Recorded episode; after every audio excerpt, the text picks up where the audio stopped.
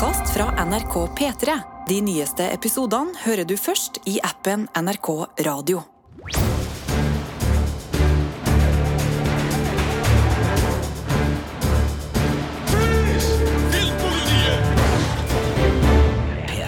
Velkommen til en flunkende fersk og splitter ny episode av Filmpolitiets podkast. Tema for dagen ferske sommertips norsk på norsk.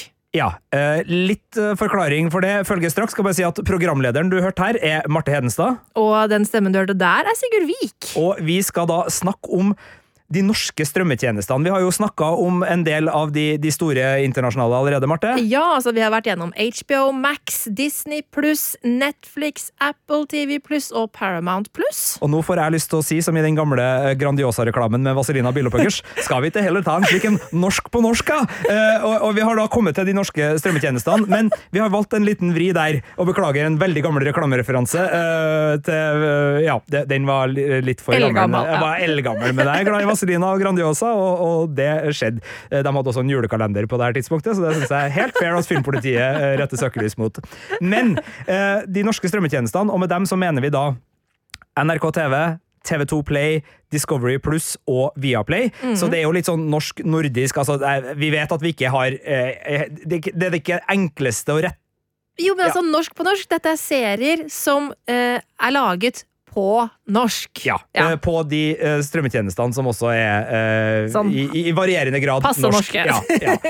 så det er, greia, og det betyr jo ikke at vi ikke anerkjenner at det er gode internasjonale serier på de norske strømmetjenestene. Altså NRK, herlighet, jeg så Responder med Martin Freeman og ga terningkast fem her forleden. Den ligger der ute, og en klar anbefaling. Og du har jo en, et kongelig drama på Nei, ikke, kongelig, nei, ikke kongelig. Det er ikke, men det er litt, det er litt adelinje der. Ja, adelig drama.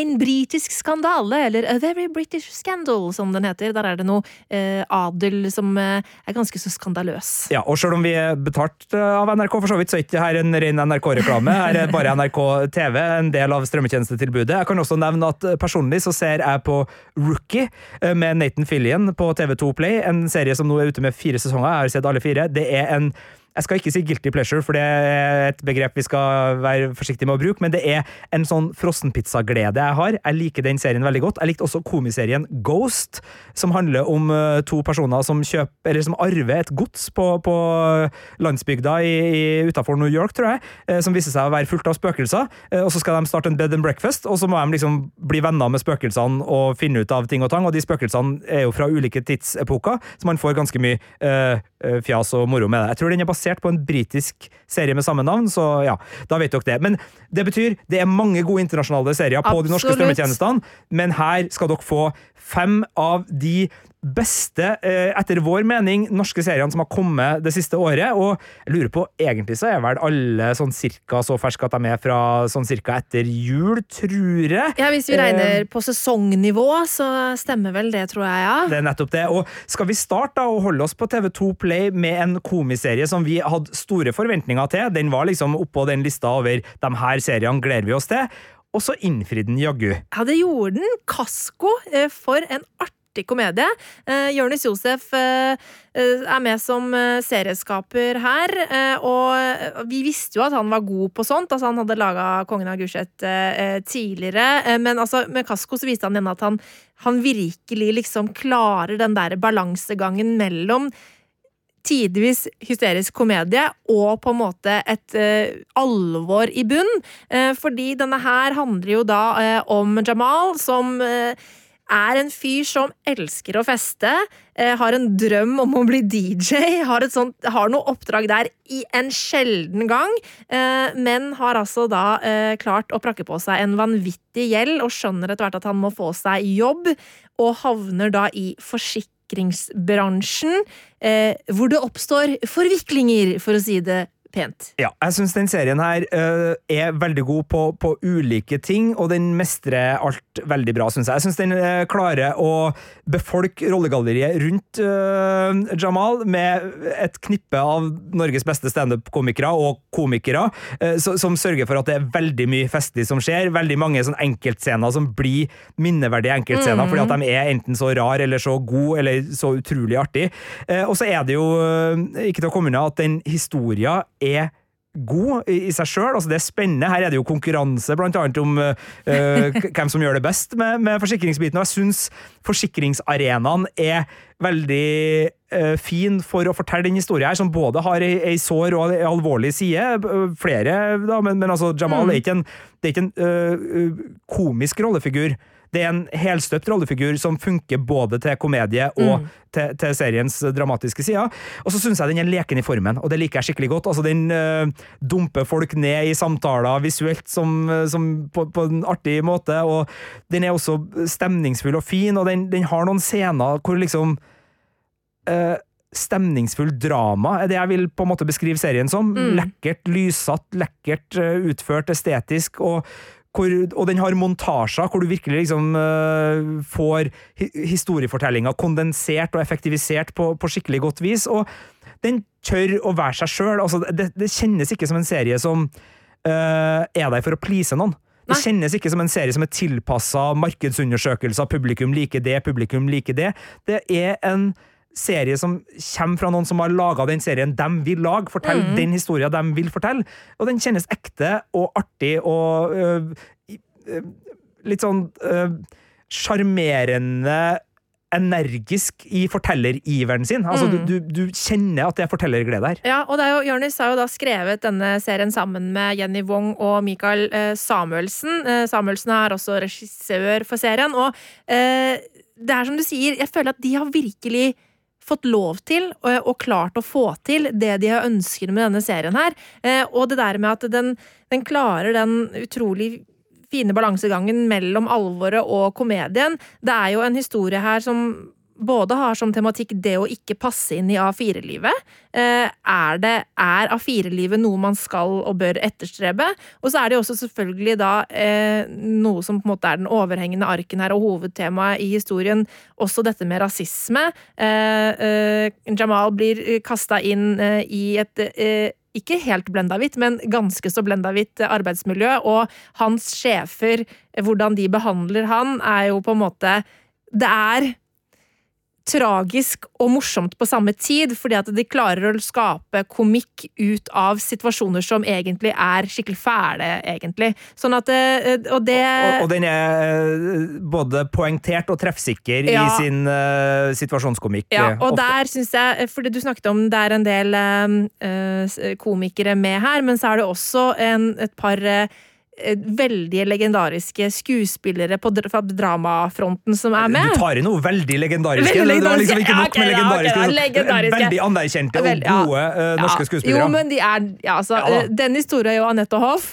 Flotte, fremdragende skuespillere. Ja, og jeg syns spesielt Anette Hoff sin rollefigur er altså Jeg ler meg i hjel av henne, og hvordan da hennes superrasistiske eh, sekretærrolle eh, tar på en måte hverdagsrasismen på kornet, eh, og gjør det da til noe tragikomisk, da, på en måte, i da Sissel, som den rollefiguren heter. Og eh, hun er jo mest kjent for å spille drama, men hun har ganske så god komisk timing i Kasko også. Og Dennis Storhaug, som da spiller sjefen til, til Jamal her, er jo også eh, veldig veldig underholdende i denne rollen her. Ja, det var bare, Jeg bare lurte på hvor vi skulle gjøre av Liv Ullmann, hvis du putta liksom veldig ja, okay, legendarisk det er greit. Det er greit. Sånn, det er greit. Ja. Men, så, altså, ja, men, men, det var ikke for å ta noe bort. Jeg er helt enig med Anette Hoff og Dennis Storøy er fremdragende skuespillere. Og jeg syns hele castet her Veldig bra er, cast. Eh, det er veldig artig sammensatt, og, og det er jo som du sier, altså den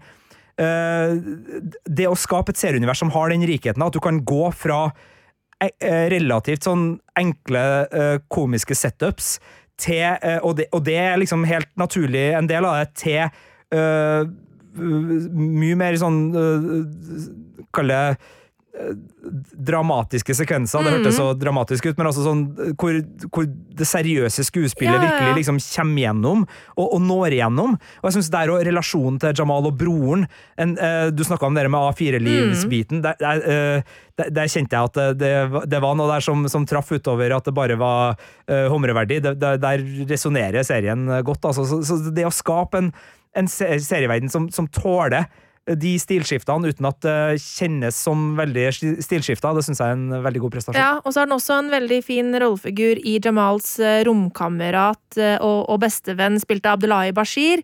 Eh, Der er det også en sånn sårhet inn i bildet som handler om ensomhet, det å miste noen man på en måte er nær, som på en måte plutselig blir fjern.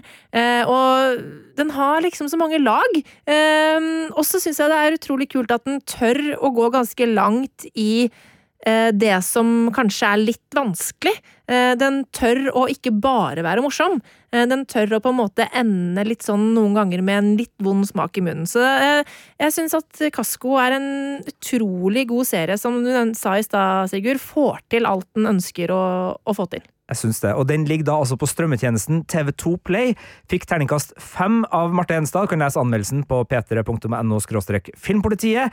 Og det var første tips ut i denne uh, strømmeanbefalinga for de eh, norske strømmetjenestene eh, med da norske serier. Eh, og eh, vi skal holde oss i komedieland, men vi skal skippe over til Discovery Pluss, eh, som har flere gode norske komiserier, men den eh, i hvert fall én av oss, men jeg, men jeg er ikke uenig i det hele tatt her, altså, men den, den Marte liker aller best av de komiseriene, det er en serie som kom med sesong tre tidligere i år, og som heter Basic Bitch. Åh, Basic bitch! Bestejentene fra Tønsberg! Jeg elsker denne serien, og det er en serie som bare blir bedre og bedre, syns jeg. Eh, Dette handler jo da om en gjeng eh, jenter som er fra Tønsberg. Noen av de har liksom prøvd seg i Oslo eller andre steder og prøvd å på en måte få til ting i livet. Og så går det kanskje litt skeis med å komme hjem til hjemplassen.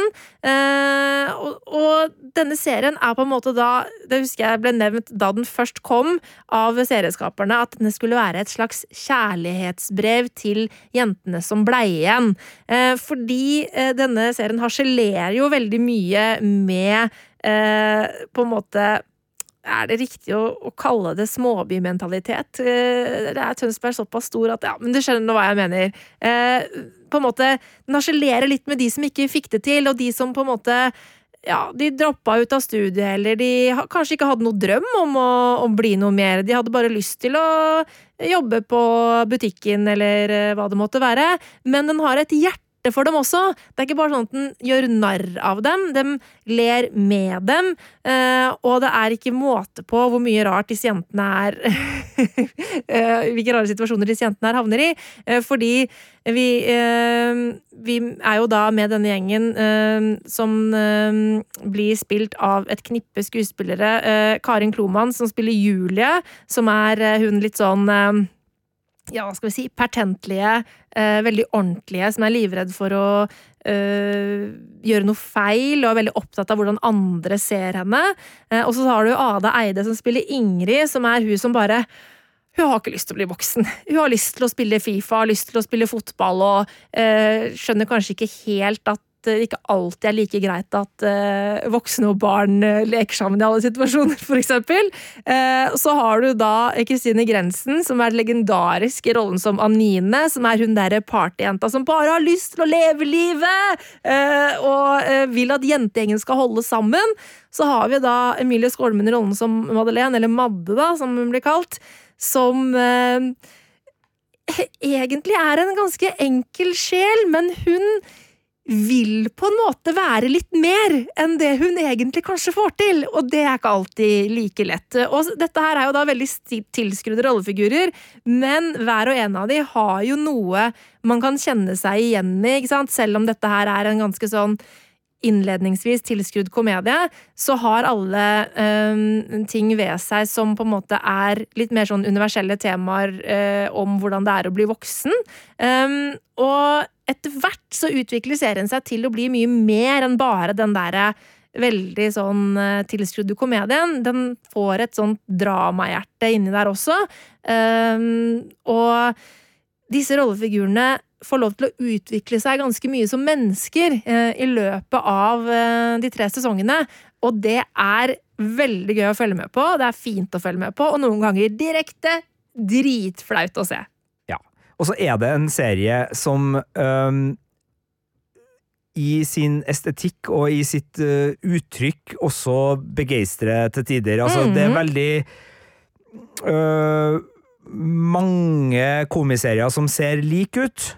Uh, jeg syns Basic Bitch har funnet seg sin egen stil, og virkelig klart å skape i hvert fall enkeltepisoder hvor de blir minneverdige fordi de er så pene å se på. Mm. Altså, episodene. altså, det er så mye øh, visuelt som, som gjøres, altså, spesielt den Halloween-episoden i sesong to. Det er sesong to, ja. Jeg tror Ja. jeg er på slutten av sesong to. den er bare utrolig godt laga. Ja. Jeg, jeg syns den er helt sånn uh, forbilledlig til å være en episode av en norsk situasjonskomedie. Jeg syns den er skikkelig, skikkelig godt, og hvis jeg husker riktig, øh, så skal jeg Jeg mener at det er en, øh, en fotograf på den episoden som vi nok skal, øh, skal nevne i neste serietips også, for jeg Stemmer tror. Torjus Thesen også jobber som fotograf på, på Basic eh, og han eh, har også gjort sine saker bra i en eh, Viaplay-serie som vi nok eh, veldig nå snart skal, skal gå over til.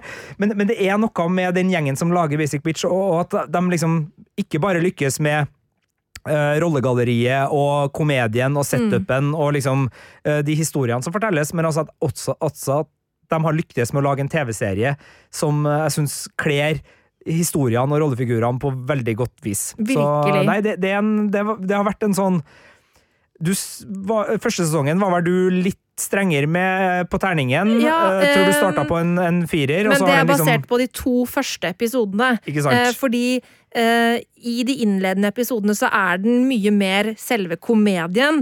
Og da er den skikkelig pute-TV. Ja. Eh, eh, og det er morsomt, det, men den blir noe mer etter hvert. Det er akkurat det, og den har vokst seg sånn, og jeg har jo ikke kommet ordentlig i gang med sesong tre. ennå, Altså, jeg gleder jo meg veldig til å bruke noen late sommerdager på å, å se ferdig det her, for jeg har virkelig kost meg med det, og syns det har vært en av de eh, norske komiseriene som virkelig har uh, liksom vært med å gi bredde til. Altså, vi har snakka om Kasko, og Kasko, Basic Bitch, litt den vi skal Altså flere av de altså, Jeg syns vi, vi er på ei tid hvor det er veldig lett å lage den episoden her som handler om gode, nye norske serier, fordi det er så mange vi ikke har tatt med engang. Og det, det er en øh, Og spesielt det der halvtimesformatet. Eh, Som tidligere var veldig sånn eh, en viss type komiserier, men som i de senere årene virkelig har liksom blomstra og, og gitt oss noen av de mer sånn varierte. Og nå kommer det vel to Viaplay-serier på rappen, som eh, begge kan liksom sies å havne både i drama- og komediekategorien, og som har begge deler i seg, og som også er med å virkelig gi den Altså, vi kan jo eh, bare gå over, da, kanskje til, til Viaplay allerede, Okay. eller har du mer Nei, du vil vil eh, Vi si? kan gå over til Viaplay. Uh, da skal vi vel over til et tips som det er du som anmeldte, hvis jeg ikke husker helt feil? Det stemmer, fordi Ida tar ansvar kom på Viaplay i januar. Det var en serie i likhet med Kasko som vi hadde gleda oss mye til, og som var med på vår Vi hadde en, en TV-spesial i, i høst hvor vi liksom så fram mot seriene som skulle komme, og der var jo Ida tar ansvar en av de seriene vi virkelig så fram til. Den er jo basert på Kjersti Halvorsens roman med samme navn, og handler da om psykologistudenten Ida, spilt av Ellie Rhiannon Miller Osborne, eh, som er generelt engstelig, og som får store utfordringer når hun tror at hun kanskje kan ha blitt kjent med en som potensielt kan gjennomføre en skoleskyting. Og det her er jo aktuelle og ganske vonde samfunnstraumer i tematikken, men det løses da med eh, både alvor, men også et eh, sorthumoristisk eh, altså sorthumoristisk situasjonskomikk, og en veldig leken form, som da gjør at det her er en serie som er veldig ambisiøs i, i liksom bredden den går for, men jeg syns den landa, og jeg syns det er så mye talent som strutter i den serien her, at det ble en terningkast fem, og en serie som jeg eh, har på, på, lista over de seriene som så langt i år virkelig har, eh, har gleda meg. Og uh, i tillegg så er det jo uh, veldig uh, sånn gode gjesteroller her. Altså Renate Reinsve, som etter 'Verdens verste menneske' har blitt en, en, veldig stor stjerne. Hun er med her i en god rolle. Bartek Kaminski, kjent for mange fra 'Kampen for tilværelsen', og også Trine Wiggen, kjent fra 'Kampen for tilværelsen', en serie som dessverre har vært litt vanskelig å se, men som også er en av de jeg mener nesten tidenes beste norske TV-serier. De er med å, og løfte det her. Og så er det jo, som vi, som vi nevnte, altså Torjus Thesen på, på, foto, og ikke minst regissør Rikke Gregersen. De, de er de har sånn teft. Mm. De har virkelig god teft, og de klarer å bygge scenene sine så selvsikkert, og motivene er gode, og de utnytter TV-ruta sin intimitet til å skildre liksom, hovedpersonen, som spilles veldig godt, men som også holdt på å si, filmes veldig godt. Altså, det, det, er noe i det, det samspillet mellom regi og, og, skuespiller der som virkelig løfter rollefiguren Ida til å, å bli en, en, skikkelig god rollefigur. Og så syns jeg den også sprudler, eh, fordi den har så mange skuespillere som alle har lyst til å vise seg fram, og som får det til uten at det liksom framstår som om at de prøver å stjele uh, scenene. De ja. bare tar dem. Og det gjelder både liksom litt sånn sketsjkomediebit og andre veldig unge, talentfulle skuespillere. Og det er et lydspor fullt av lekre låter. Jeg er jo veldig glad i Koda, både som artist og som komponist. Han er med her med ei låt som jeg var veldig glad i da den kom, og som her får lov til å eh, på en måte sette ramma for en episode. Uh, og så er det liksom alt fra norske Exploding Head Syndrome til Bob Dylan, Etta James. Det er masse uh, flott musikk.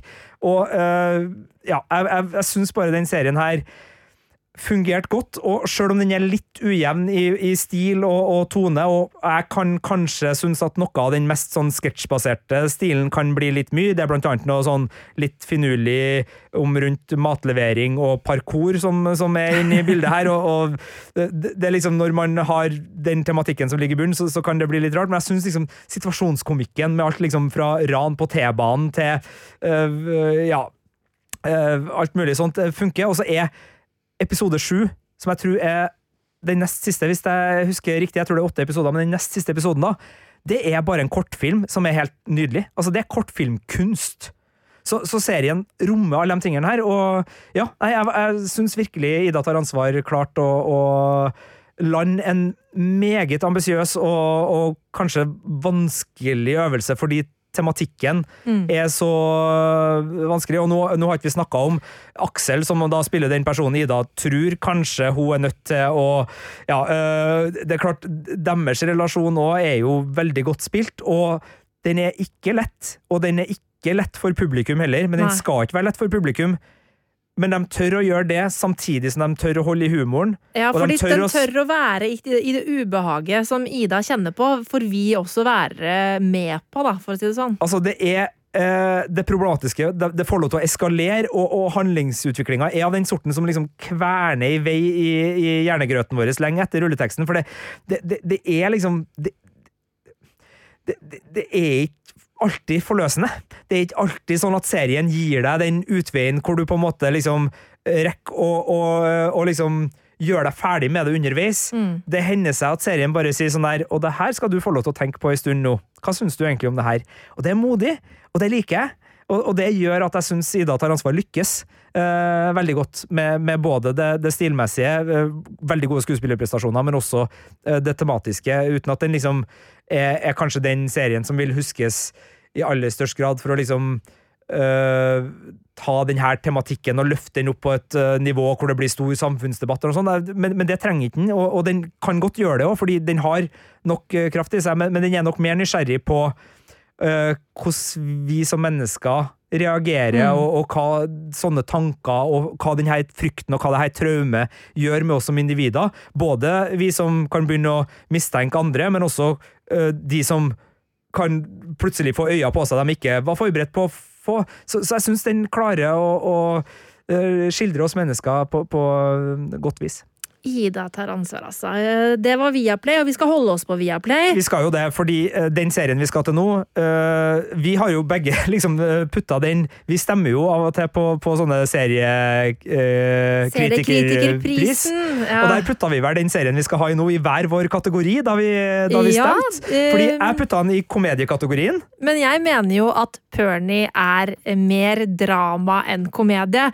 Eh, nå vant vel riktignok Pernie sesong 1 prisen for beste komedie det året, eh, hvis jeg ikke husker helt feil. Eh, så det er vel flere som er enig i at den er en komedie. Men det er begge deler. Eh, Men den er jo begge deler. Men jeg syns jo at noe av det fineste med Pernie ligger i dramaet. Eh, og det er jo sikkert veldig mange som har hørt om denne serien her, men vi kan jo bare ta en liten sånn recap om hva dette her egentlig er. Og det er jo da Henriette Stentrup sin eh, serie. Hun er eh, serieskaper, manusforfatter og hovedrolleinnehaver her. Og hun har laga en serie om da denne Pernie, som sjonglerer livet med å være det er vel da Hva blir det? Barnevernspedagog, eller hva, man, hva det heter. Et familieliv hvor hun har mista sin søster, som hun sto veldig, veldig nær. Eh, Hun er alenemor, eh, og har også da tatt inn sin nevø, som har mistet sin mor. Så vi er i en tid hvor vi lever både i sorg, hun er oppslukt av jobben sin, eh, og skal på en måte prøve å sjonglere alle disse ballene i et ganske sånt stressende liv. Ja, og hun har en eh, eksmann, altså barnefaren i, i hennes eh, familieliv, som eh, ikke nødvendigvis har et veldig godt blikk for å, å, å få med seg hva som skjer, og hvor det kanskje trengs litt ekstra omsorg og innsats. Det er helt riktig. Og så er det også en kjærlighetshistorie inne i bildet her, hvor da Pernie, som selv føler at hun begynner å dra på åra, er kanskje litt redd for å tørre å forelske seg i en yngre mann. Um, og så har vi også da en far som bor i da generasjonsbolig med Pernie, som er helt herlig spilt av Nils Ole Oftebro, som innledningsvis i serien tror han har fått kreft, uh, og finner ut at han ikke har det, uh, og da bestemmer seg for å leve livet til det fulle, Uh, og da oppdager nye sider ved seg selv. Så det er utrolig mange deler i Pernie her som, som går sammen på en veldig fin måte, fordi ja, den er veldig morsom, spesielt eh, inn mot Nils Ole Oftebro sin rollefigur. Altså, der er det veldig mye artige ting som skjer, eh, for eksempel. Men jeg syns den er så utrolig fin og sår når det handler om dette med å miste noen som står deg nær. Der syns jeg uh, Henriette Stentrup har laga en veldig troverdig fortelling i hvordan på en måte sorg gjennomsyrer livet, selv om livet går videre. Uh, at uh, du går på jobb, du gjør de diverse tingene. Du kan ha det gøy, du kan ha det hyggelig, men så må du gå ut og sette deg i bilen og gråte litt, fordi plutselig så ble det en tung dag. Det er en veldig sånn utrolig godt skrevet sorgprosess som jeg syns gjøres veldig fint i Pernie. Og så er det også dette med, spesielt i første sesong, eh, hvordan vi får møte en del skjebner eh, i barnevernet, eh, og hvordan barns møte med, med barnevernet kan være, da, og hvordan det er for Pernie i en arbeidssituasjon som også er sånn hjerteskjærende til, og til å skikkelig grine av. Og så har jo serien to uh, kvaliteter, og, og grunnen til at den er med nå, er jo sesong to, uh, som da kom Ja. uh, tidligere i år, hvis jeg husker Ja, den kom i februar. Den kom i februar, februar, ja. Det er bra du passer på, for vi har jo Jeg, jeg tror vi liksom ligger sånn om, Det er mulig noe av det her vi har snakka om kom rett før, men jeg, jeg tror vi er på vår, vårseriekjøret jevnt over. Det er vi her, ja. Mm. Men den har mye frisk mannskap. Det skal man aldri underkjenne som en god kvalitet. Eh, det, det er noen kraftsalver her som, som virkelig eh, utvider mitt eh, vokabular, i hvert fall. Og det, det settes pris på. Det mm, trenger et kraftuttrykk i ny og ne. Ja. Og så er det en serie som har sånne plasser å henge ut, Mm. som virkelig skaper godt serieselskap, Mm. og som både kler rollefiguren, eller rollefigurene og liksom serien, men, og, men som også liksom er estetisk veldig forseggjort, og som skaper miljøskildringer hvor man liksom får lyst til å liksom nesten knuse TV-ruta og flytte inn. Mm. Eh, fordi det, det er så lunt og, og trivelig der, sjøl når det er vemodig og vondt. Eh, og en av dem som er liksom veldig sånn tydelig for serien, og som er en eh, kulisse som er mer vemodig ofte, er jo bilen. Ja, garasjen og Eh, Men jeg tenker Mm. hagen mest når jeg snakker om det her, for du verden. For en frodig, herlig hage hvor du bare har lyst til å Jeg vil òg sitte i den hagen med et glass vin utpå kvelden og bare ta på meg en ullgenser etter hvert og bare sitte og kose meg. For et herlig sted! Og bare liksom spise et par stykker av den hjemmelaga pizzaen som egentlig skulle spises eller som ble spist litt Ja. tidligere, men så er det igjen noen stykker, og så har man en vennegjeng, eller så er man der bare ja, ja. altså, det, det er bare en sånn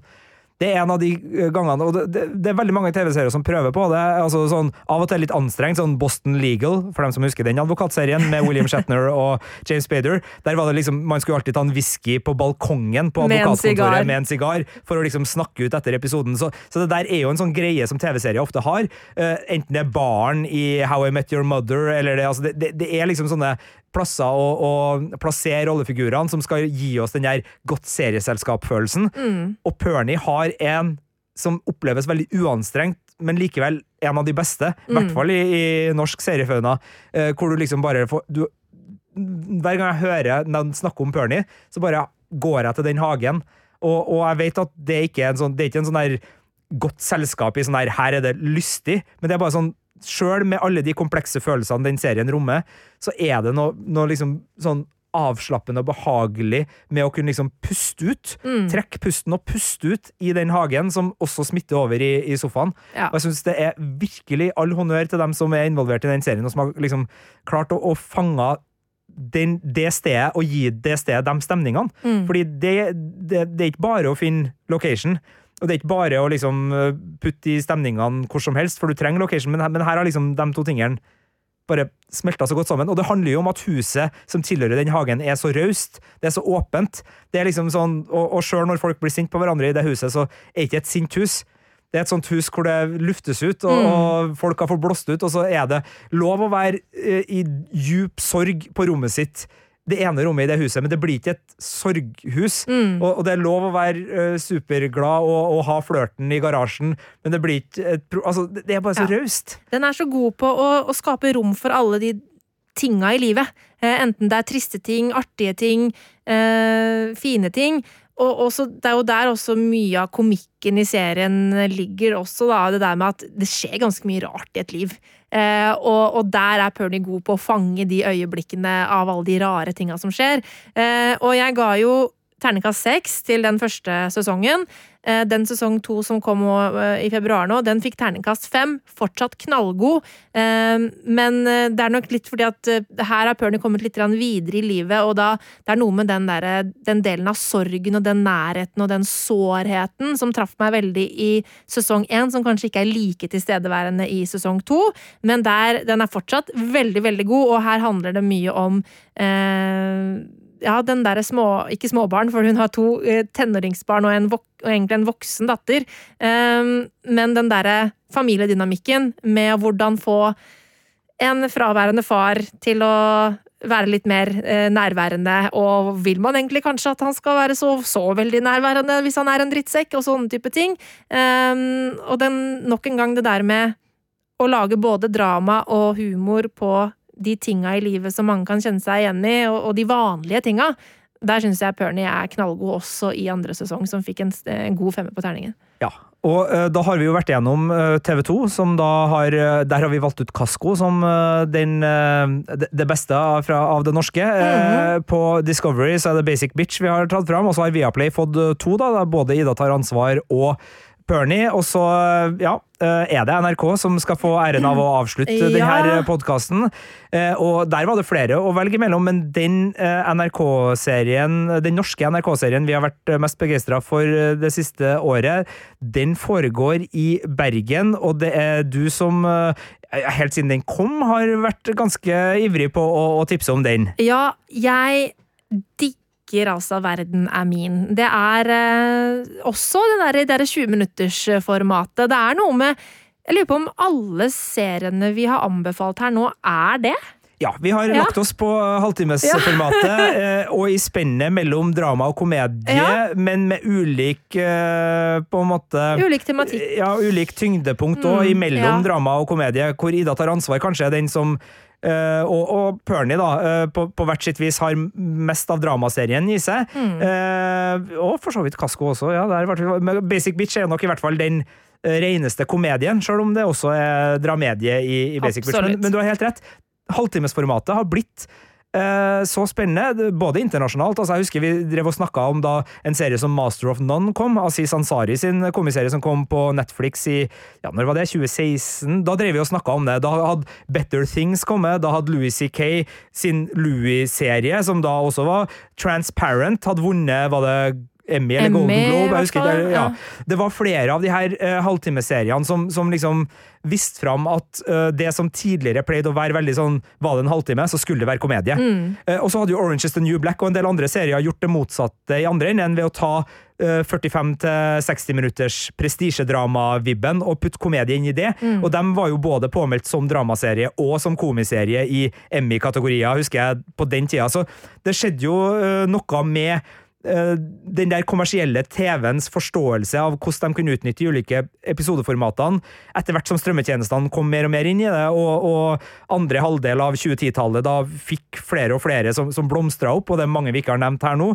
Og, og det har jo også kommet til Norge, selvfølgelig har det det. Vi er jo ikke noe bakstreversk eh, serieland, vi, vi er jo der vi er. Og nå, ja, som du sa, litt tilfeldig egentlig, for at det var ikke noe vi gikk inn for. Nei. Men de fem seriene vi har valgt å plukke ut av de norske serier fra, fra det siste året som vi syns har vært de beste fra, fra de norske strømmetjenestene, de, de er alle i det halvtimesformatet, men med ulik uh, tone, Ja. eller grunntone, da. Men det her er jo også en musikkserie, ikke det? Ja, fordi dette her er jo da Verden er min, eh, foregår i dramalandskapet, men den kan også omtales som en rapsicle, som er et litt flåste, men veldig gøyalt ord, eh, som da spiller på rap og musical.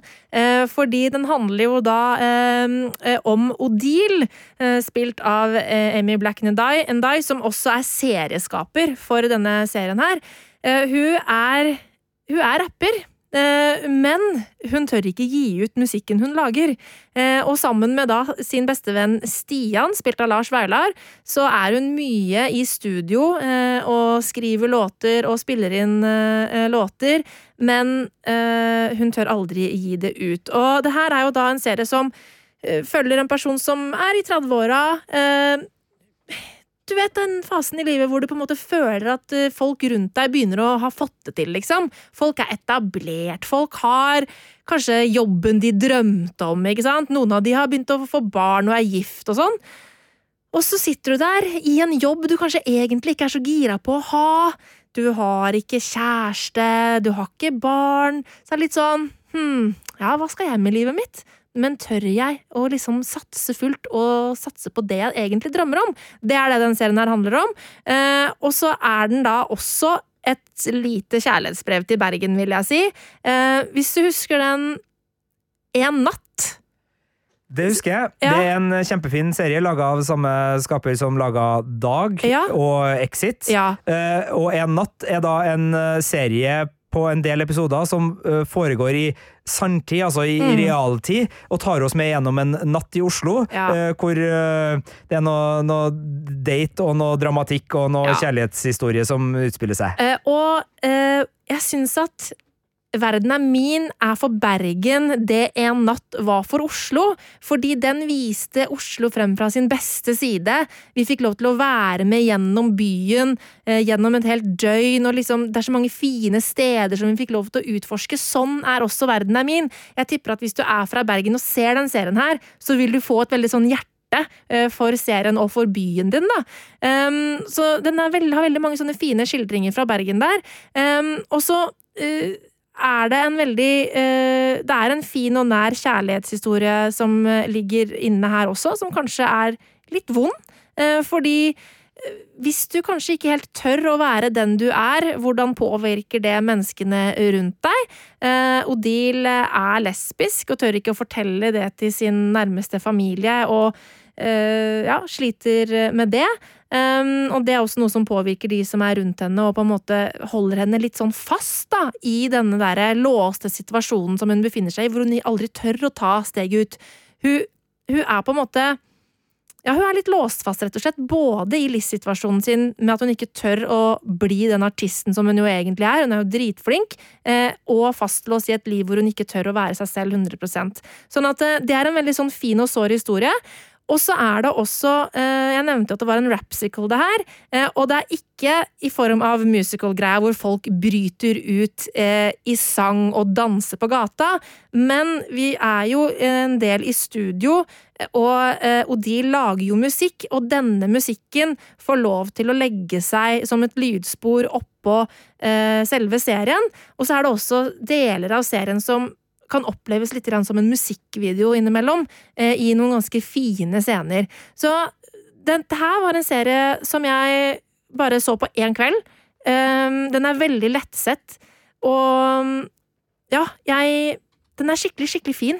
Det er det, det er det, jeg har å si. Den er rett og slett skikkelig, skikkelig fin, eh, og anbefales eh, virkelig eh, å ta en titt på den, altså, i NRK TV. Og i NRK TV så finner du da også selvfølgelig En natt, som da var også Åh, nevnt her. Det er også en anbefaling, også en anbefaling. altså. Det er ikke så fersk, men du verden, det er Ja. ti episoder som også er verdt å, å se. Der er nok musikken litt annerledes. Jeg husker annet at Nick Cave var på soundtracket der, så, så eh, litt annen musikksjanger, men, men også en anbefaling. Og eh, da er Verden er min eh, det, det store eh, NRK-tipset. Jeg bare lurer på eh, Vi snakka jo nå om liksom der eh, hvor man setter punktet eh, mellom uh, komedie og drama i de fire seriene vi snakka om. Mm. Dette er drama. Det er drama, ja, for det, er ikke en, det, det er ikke en dramedie. Det er en Nei, dramaserie. altså, Odile er en funny person. Ja. Eh, Hun, hun, hun er en morsom person, syns jeg. Men jeg, jeg mener dette er drama. Uh, nå har ikke jeg sjekka hva uh, Amy Blackendye selv kaller serien som serieskaper, men jeg opplever den som en dramaserie. Eh, I hvert fall. Eh, så det er da min mening. Er Hilsen meg som også syns Pernie er mest drama. Ja, du, du er nok den eh, i, av, i, i filmpolitiet som, som eh, vil trekke det fleste mot dramabiten, men det er veldig greit. Da, da har vi altså Kasko på TV 2. Ida tar ansvar på Viaplay, Pernie på Viaplay, Basic Bitch på Discovery og Verden er min på NRK TV, med et par ekstratips eh, innimellom der. Uh, ja, fra rookie til uh, en natt. Jeg syns vi, vi sjangermessig er ganske brei der. Uh, og det var altså tipsene til de norske strømmetjenestene, de ferske tipsene på de norske strømmetjenestene. Og da valgte vi å fokusere på de norske seriene, fordi det har kommet så utrolig mye bra. Det er flere serier vi ikke har nevnt i denne podkasten, som dere likevel vil se at vi på eh, våre nettsider og ellers i våre radiosendinger har anbefalt. Eh, men eh, siden vi skal holde det short and sweet her nå, skal jeg ikke name-droppe alle dem. Vi skal bare si det her var fem gode tips. Du har hørt en podkast fra NRK P3. Hør alle episodene i appen NRK Radio.